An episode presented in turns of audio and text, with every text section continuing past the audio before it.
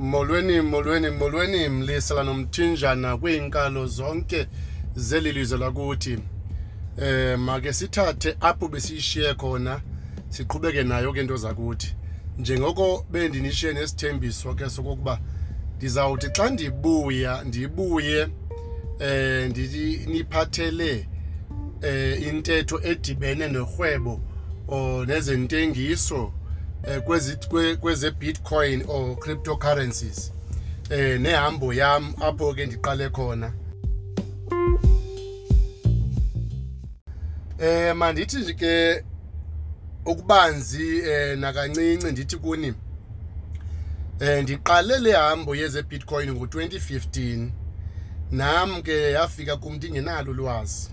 Yayiyona nto eyayintsha ezindlebeni zam. Kodwa ekuyibambeni kwam kwaye kwafika into ethi kum eh ngexesha kwakufika i-email eh i-internet nge-90s abantu ababenethuba lokwazi kangcono nge-email nge-90s bashiywa lixesha ngoba bamane besithi hayi ayinawukwazi ungena kule nto ayoyam mna abanye ke ekutshintsheni kwekambeni kwexesha kwatshintsha iifowuni eh, ezi ze-landline kwafika iiselfowuni oomakhulu bethu ke yayingaba besitsho nabo abantu abadala besithi ayanakuyisebenzisa le nto eyam irayithi landline. Kodwa ngokufumanisa uba ngabona bantu abahlala efowunini abawhatsapp banomhlola phantsi. Ukungena kwee-tv kwakuyinto efana naleyo. Eh so ndizama ukuthi ke ngelo ukutshintsha kwezinto kutshintsha ngendlela ezininzi. Kukho abahamba nazo kukho abashekayo. Nam ke ndazifumana ndikwelo thuba apho ndaxelelwa ngebitcoin. Ekuxelelweni kwam ngebitcoin eh ngokuvula indlebe mhlawumbi isimo endandikuso siso esandenza ndamamela. Ndaqhubeka nokusebenza. Mhlawumbi uba ngaba ndandingekho kwesasimo eh ndandiza kuba nenhloko eqinileyo ndingayimameli into ndawuzawube mhlawumbi ndisahleli kwi-comfort zone apho ndandizabe ndikhululeke khona ndicimbe izinto azinawutshintsha kwahamba ke ngelo xesha kwatshintsha izinto eh nakum ngokubona kwam ndafumanisa uba ndilambile. Ndilambile nje funeka ndinya- ndi- ndinyathelele phambili.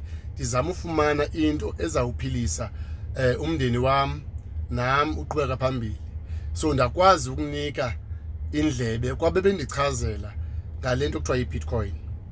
2015 ke November eh, ndidibene nantombazana engusisi wam ke njengoba ndisithi kuwe now eh enguhana Phinza esasi connected kwezi zinto zobuxhakaxhaka ba online one of the social medias.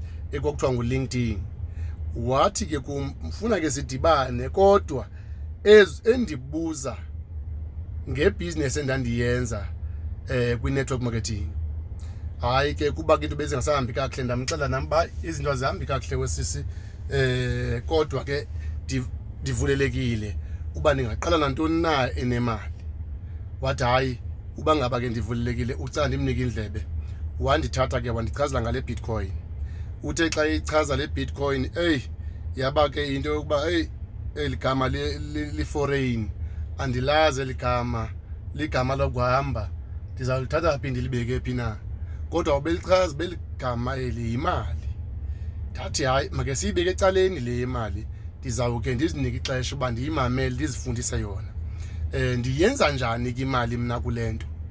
Eh wathi ke alright njengomntu ke wena osuka kweli cala network marketing oyaziyo eh iBitcoin imali eh kodwa ndifuna ukuchazela ngenkampani endingene kuyo esitsho yena ke ukuba le nkampani ithi eh bona beyile nkampani bamayina iBitcoin. Njengoba bemayina iBitcoin eh kukho ke isithuba ezivulelekileyo eh esiye sizazi ke kwi kwikhampani ze network marketing njenge esibizwa njenge distributors eh like o forever living bekuthiwa distributors. Eh nalapho ningatsho ndithi into efana naleyo ke uba kuthiwe kufuneka i-distributors. But ke ngoku apha umahluko i-business yayingekho i-product mandithi i-product yayingaphathwa ngesandla. I-product ke ibiyi-product ubuyibona kobu buxhakaxhaka esibusebenzisayo bee-laptop neefowuni eh ufumanisa uba kodwa ndinayo ifowuni kodwa zininzi into endingazaziyo ngayo. So wandibonisa ke ndichazela ngayo le bitcoin. Eh uthe xa ichaza le bitcoin ndafumanisa uba eh kumnyama ebuseni ebuseni wenkawu eh ndayithatha kodwa ndayibhala phantsi. Ndathi ke khawundichazele ke ezona ndlela endizayifumana ngayo imali. Wandichazela ke ngale ndlela endiyazi ngayo inetwork ibhatala ngayo ye-commission ukuba ubuzayithatha le product ufundise abanye abantu. Bathi ke xa beseyibona uba bafundile nabo bayafuna ukwenza imali njengawe bathi hayi nam ndingathanda ke uba ndizorenta ipower apha kule nkampani ndirente i-mining power ndikwazi ukufundisa abanye abantu nabo xa bengena nam ndifumane imali. Ndayithatha ke ndathi make ndibaleke ndiyofunda le product. Apha ekufundeni kwam le product indawo eyandincedayo ndancedwa yiyoutube. Kuba ke ndake ndazifumana ndingena kwiyoutube. Ndayosetsha phaa kwiyoutube um ndakhangela ibitcoin ndabhala bitcoin. Kwavela uluhlu labantu ke noosaziwayo eh ndingabala uBill Gates ndibale uSir Richard Branson eh JP Morgan eh ndibale eh Warren Buffett. Bebaninzi abantu enandiqhela ufunda ngabo bevela eh apha kuluhlu lako lwe YouTube eh ndamamela bonke abantu babethetha kakuhle kakhulu ngeBitcoin bethetha amazwi amahle. Ndayimamela ndafumanisa uba hey inhle into le Bitcoin. Eh uba ngaba ndingasheka ndawube ndizibethile. Mandingafani nabantu abaxelwa nge-email ungena kaGoogle bathi hayi anawukwazi ndisafuna usebenzisa ipost office. Eh ngoku xa bejonga ngasemva iphi post office. Ukutshintsha kwezinto ke eh eh kwixesha esiphila kulo mntakwethu. Ndangena ke apha kweli kule kulento le Bitcoin eh sendinako ukuyiunderstanda. Kodwa okwamke ngokwakukufundisa abantu enzabe ndimane ndithetha ndithetha nabo ndibaxelela ngayo. Eh ndithethile ke nabanye abanye bathi hayi eh kawuhambe mfo. Kudala uzama akho nto siyibonayo ubuke wabhizi namakhala wabhizi no Herbalife akho tshintsho empilweni lakho ngabantu ke abo eh abafuna ukuze bakwazi ukulandela or bakwazi ukwenza into nawe bayenze ngoba bebone wena uphumelela. Abanye ke abangakwaziyo bengayazi imvelaphi yakho bayakwazi ukuthi emfundini ndifuna uhamba nawe kule ndlela baba khona kabanjalo bahamba nami.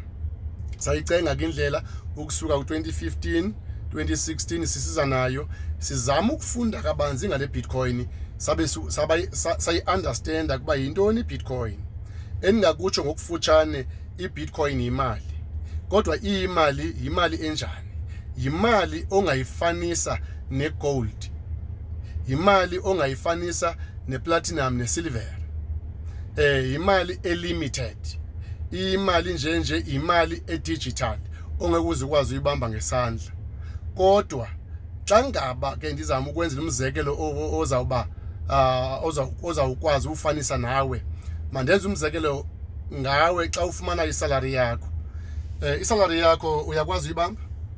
Awukwazi uyibamba mntakwethu. Eh bakhona ke abayibambayo xa befumene nge-envelope kodwa bayabala ke ngoku abafumana i-wages nge-envelope kweli xesha esikulo ngoba yonke into seyisenziwa ngobuxhakaxhaka kwezi zinto ze-transfer.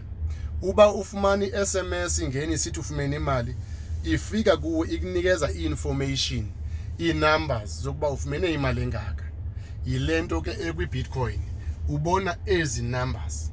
Kodwa ezi numbers zibe zichaza i-value yokokuba ezi numbers i-value yazo ithi iba iyi-1 i-value yayo ithi uba ithi 2 i-value yayo ithi uyakwazi ukuyithatha uyise kwezi ndawo ke sizibiza o-exchange njengo-stock exchange kodwa ke eze-cryptocurrency no-bitcoin bane-exchange zabo ezi-different apho ubuye ufake khona i-bank account yakho utshintshe uyoyikhupha leyo mali xa ufuna ukuyikhupha uyibambe ngesandla or uyilowude kwikhadi lakho uhambe uyosebenzisa ikhadi.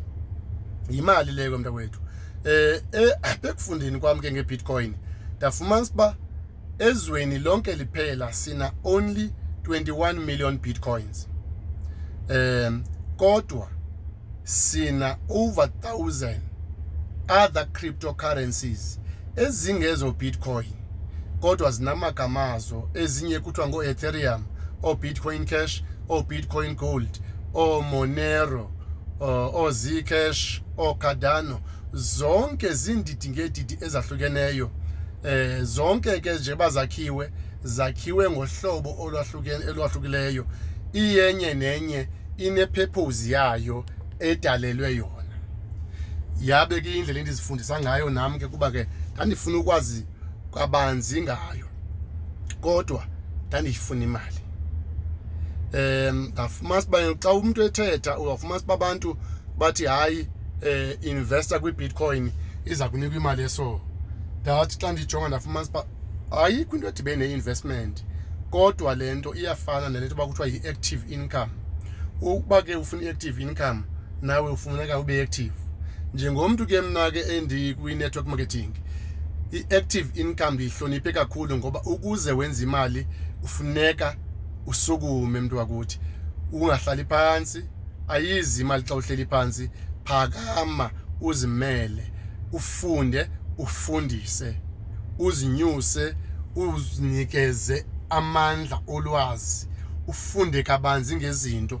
Ndafunda kabanzi ngoba eyona yona nto endandiyi-understanda apho ndandikhoyo yayiyinkampani eyayimayina le bitcoin.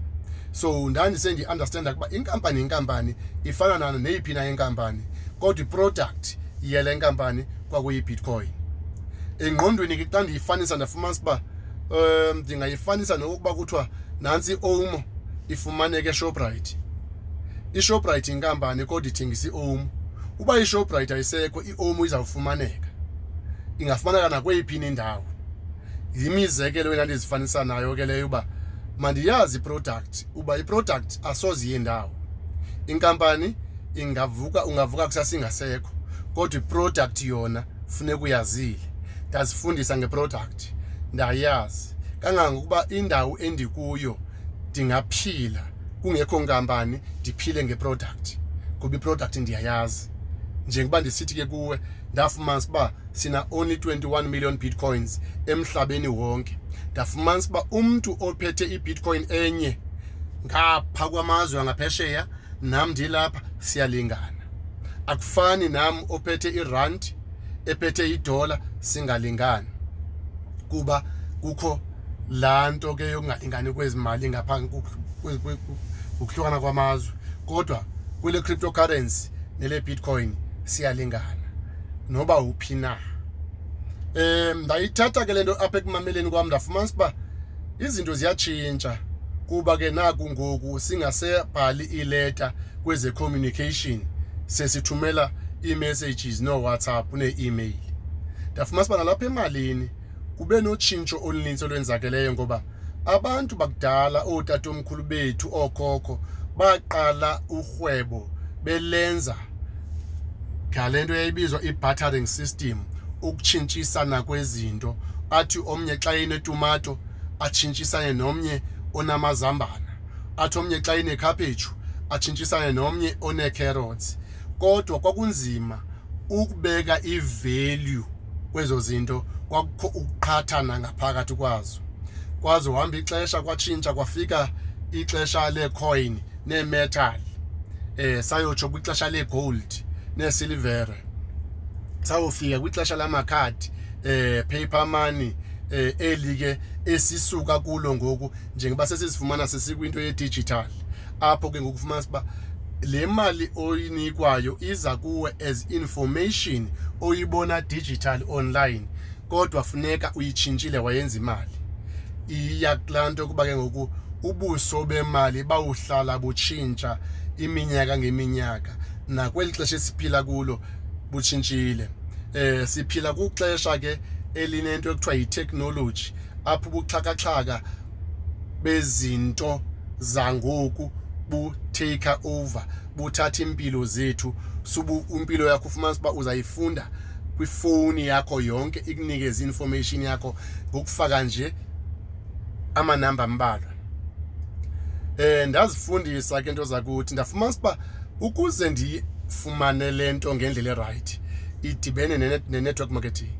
Ndabe ke ndingumuntu osuka ku-network marketing. Kuba ke igoal yam ukungena kwami kweze network kwakukufumana ubutyebi kwakukufumana imali. Ndingabujonganga kakhulu ubutyebi kodwa ndandifumana nje uba ndibe nento ezawundixhasa. Kodwa ndathi xa ndiyibona ndafumana uba eyi ininzi into elapha baninzi abantu abayifumene impumelelo. Mna ndingabanjwa yintoni? Mandizame ukuzinikela ndiye ngamandla ndizifundise.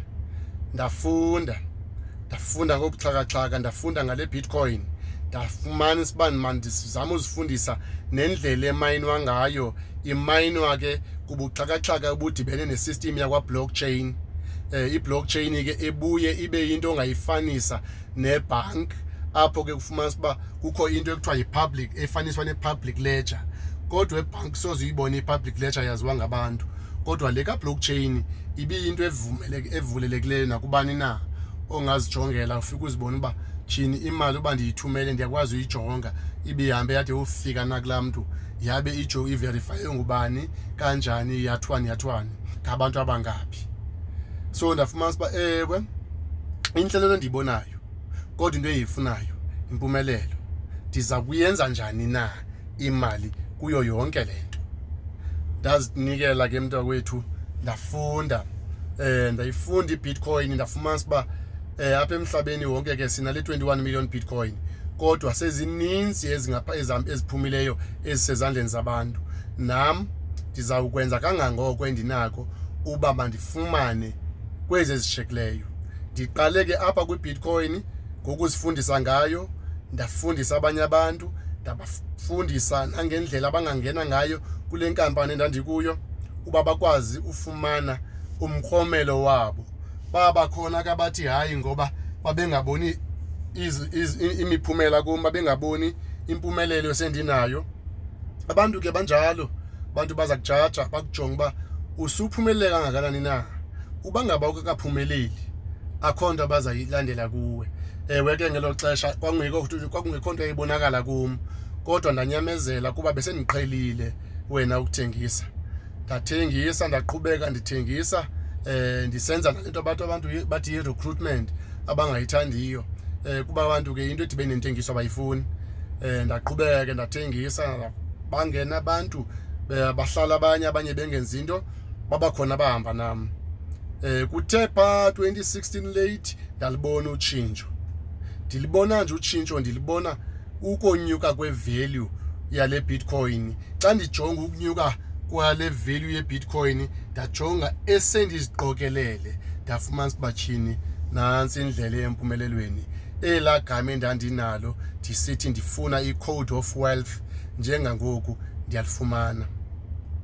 Ndahamba kapha ekuhambeni ndaphuma ndafumanisa uba ayiyo bitcoin yodwa ekhoyo kwezi zinto ze-cryptocurrency eh ezenziwa online kusetyenziswa obuxhakaxhaka. Eh ndafumanisa uba zininzi ii-cryptocurrency eh kangokuba zingapha kwewaka. Ndafumanisa uba kukho ezizawuthiwa ke kuthiwe mhlawumbi zilapha ku-top 20 ekufuneka ndizazile. Eh ekufundeni kwam ndafumanisa uba nalapha ke ekhaya eMzantsi Afrika sinazo iinkampani ezi-involve kobuxhakaxhaka nalapha kule cryptocurrency. One yezo kampani ndafumanisa uba yi-altcoin trader. Ndarejista ku-altcoin trader ndaba yingxenye ye-altcoin trader. Uba ndizawukwazi ukufumana uba mandifake imali ku-altcoin trader ndithenge ezi cryptocurrencies ndizibambe. Ithi xa inyuka ivalue ndifumane imali. Ndafunda nalapho. Kwangena inkampani ebizwa ngoluno ndangena nakuyo ndenza kanye kuba nje ngendlela endenze ngayo. Ku-altcoin trader ndafumanisa uba ndiyayibona indlela yaphambili eh ngelo xesha imining yam yayisiza kakuhle eh necommission endandiyibhatalwa kweli cala lezentengiso kuba ndandifundisa abantu. Abanye bethenga abanye bengena besithi nam ndifuna ukuba kule ndawo kuyo zolani. Eh nam ndifuna ukuba ndibe kwi-mining. Eh inkampani ke indibhatale ngee-bitcoins so ndaqokelela ekambeni ke uqokelela fumanisa uba tyhini i-bitcoin dinazo zizibambile i-value yanyuka eh isuka ke apho ndandiqale khona 2015 yayihamba around 5000 4000 yanyuka ke mntakwethu yade yewufika ko-300000 2017 kulapho ndabona khona uba avulekile amasango. Ndatsho nam ndathi ndizawufika kule ndawo abanye abantwana abake bafika kuyo. Ndingulo kwamnqandi. Ndandizazi ke kuba ndandihleli ndisitsho kuba abantwana basekhaya uba ndawuba yimiliyoni yokuqala emndeni wasekhaya kodwa bebendihleka. Kodwa ke ngoku sithetha ulwimi olwahlukeneyo. Ndafika ndathi andifikanga ndigalelekile em ndifunde kabanzi ke ndade ndenza necourse eh eyandidibanisa neUniversity of Pretoria indifundisa ngeze cryptocurrency eh blockchain fundamentals eh bitcoin eh cryptocurrency and cryptography and crypto finance and assets. Kangangokuba leyo course indincede kakhulu ndaba nolwazi oluninzi ngeze cryptography ngeze cryptocurrency eh kuyo yonke le industry. Eh ndafikela kwixesha lokuba ndithi xa ndihleli ndiyakwazi uchazela umuntu kodwa eyona nto endingake ndikuchazele yona ayikho into ekwenza umuntu nekwenza ufunde njenge-network marketing. Ngaphandle kwe-network marketing beningeke ndibe ndikule ndawo endikuyo. Ndifunde nge-network marketing ndafundisa abantu abaninzi nge-network marketing ndenza imali through i-network marketing. Bayenza abantu i-network marketing. Ngeproduct ebendikwazi uyibamba ngesandla through i-network marketing. Kodwa ngoku ndikwiproduct engeke ndiyibambe ngesandla ekuthiwa digital which is digital currencies. E-digital le digital currency yile ke ekuthiwa yi-bitcoin nezinye endizibalileyo. Apho ke kuhambeni kwami kwexesha ekufundeni nekwenza kwami imali zonke zinomsebenzi wazo owahlukeneyo eziwudalelweyo ngabantu abawudalayo ekufuneka uunderstandile. Awukwazi ke ukuthi uthi ufuna ukwenza imali uthi uzawuvela ufake imali imali yokusebenzela. Funeka uyazi imali yakho iyosebenza hlobo luni na.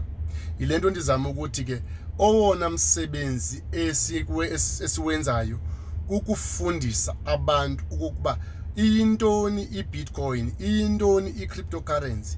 Ingaba ingakunceda kangakanani na ukutshintshela impilo yakho?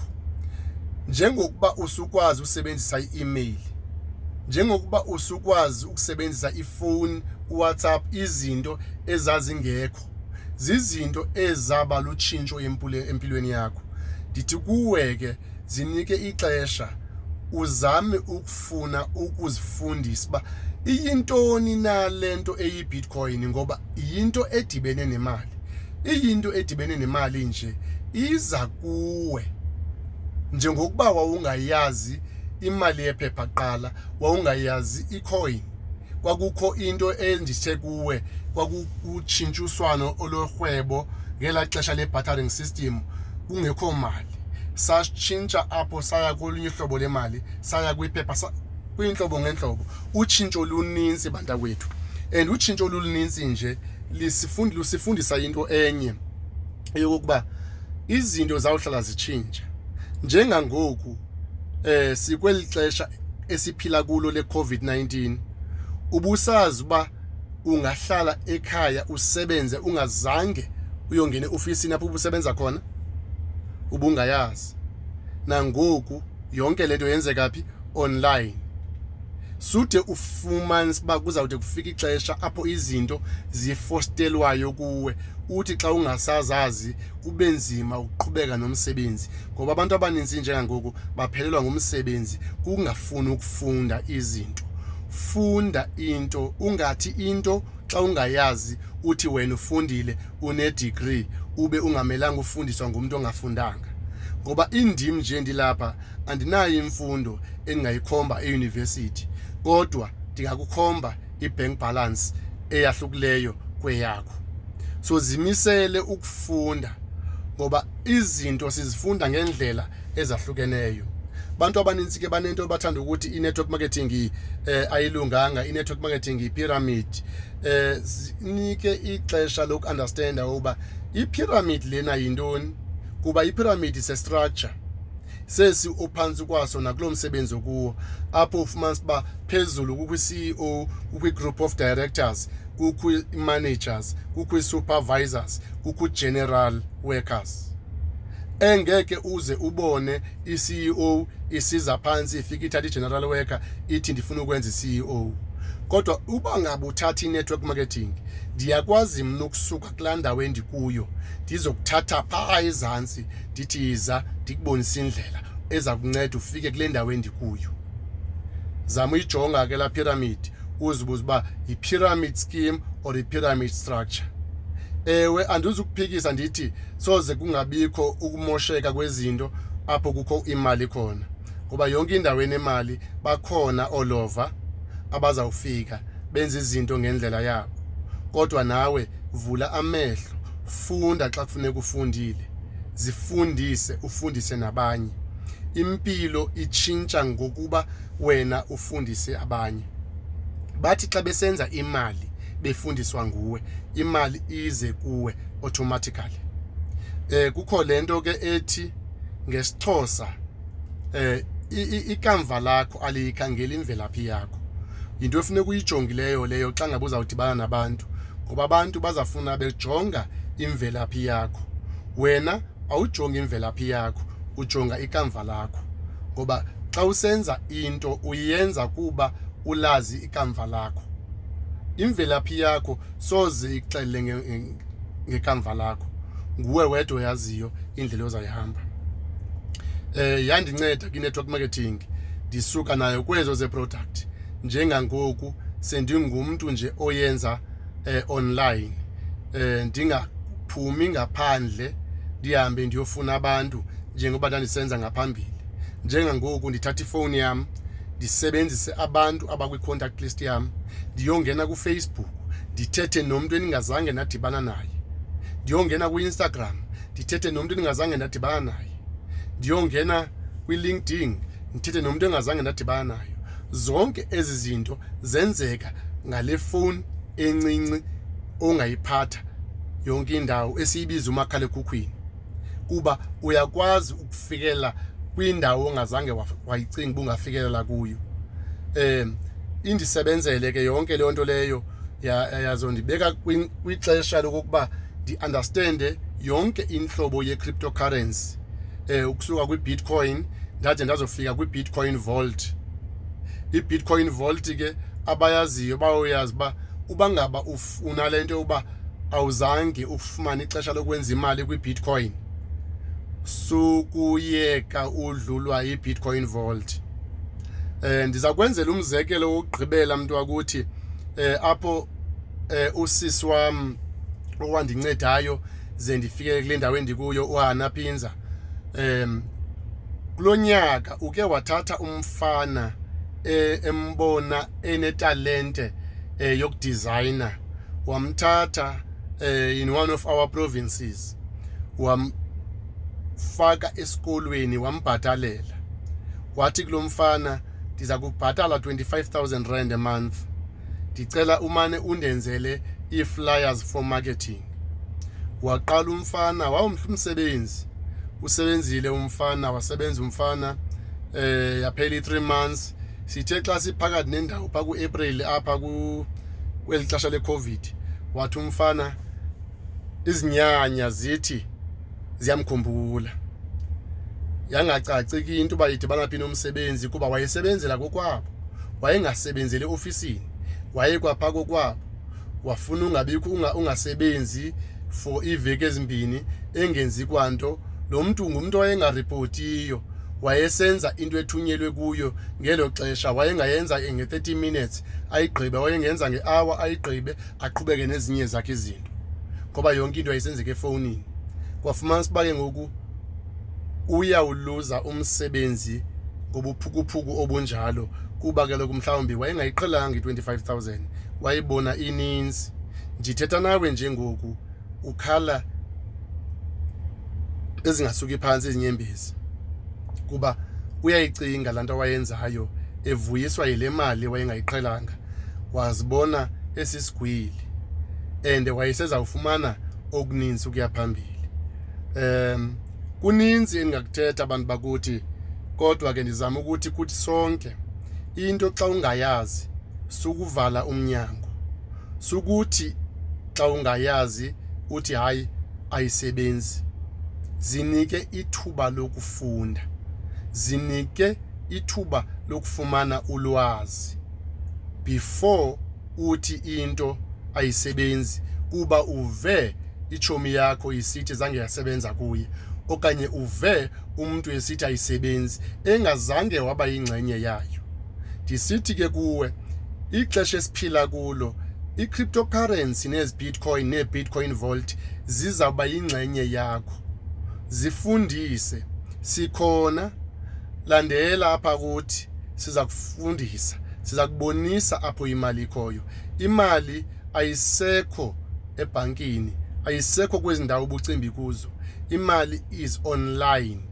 Thatha ifowuni yakho uyisebenzise iza kusebenzela. Awudingi zilaptop kodwa le fowuni oyiphethe esandleni uyisebenzisa every day ingakwenzela imali eninzi kakhulu umntakwethu. Ininzi imali ngaphandle. Njengoba ndisithi nje kuwe kwi-cryptocurrency industry asoze uhambe rongo thetha nathi sakubonisa indlela. Yiza sikufundise ibi-network marketing le isebenza njani? Yiza sikufundise ngobuxhakaxhaka esiphila kubo. Yiza sikufundise nge-crypto ne-cryptography nee-cryptocurrencies esiphila kuzo. Yiza ndikubonise uba ungaphila kanjani nge-top 20 cryptocurrencies. Yiza sikufundise uba ungayimayina njani i-bitcoin vault ena-7 months old. Kusena over 15 million bitcoin vault ekusafuneka sizimayinile. Uzawuthi kusasa azange nditsho kuwe. Imali ayikho emthini. Imali is online. Abantu banengxaki bafuna isolution. Uhleli nje apho ukhoyo eyiphi isolution oyinikeza abantu? Hayi abantu babazi ukwazi ukufumana imali bangayifumana imali. Kodwa ndithi kuwe yiba ngumntu oza nesisombululo ebantwini. Ngoba abantu benengxaki nje baphathele isisombululo. And isisombululo zininzi esinye sazo ndithetha ngaso ngoku. Ndithi kuwe i-network marketing ingakukhupha kwezo ngxaki okuzo kodwa xa uzimisele ukusebenza. Sebenza njengokuba usebenza usebenzele omnye umuntu. Usebenze kweli xesha esikulo usebenzele wena. Ungathi uzawusebenza i-40 years usebenzele omnye umuntu. Kodwa uyakwazi usebenza i-5 years uphumle.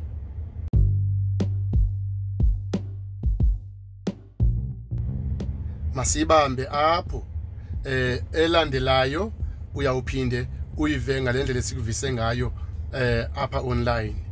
Eh enkosi.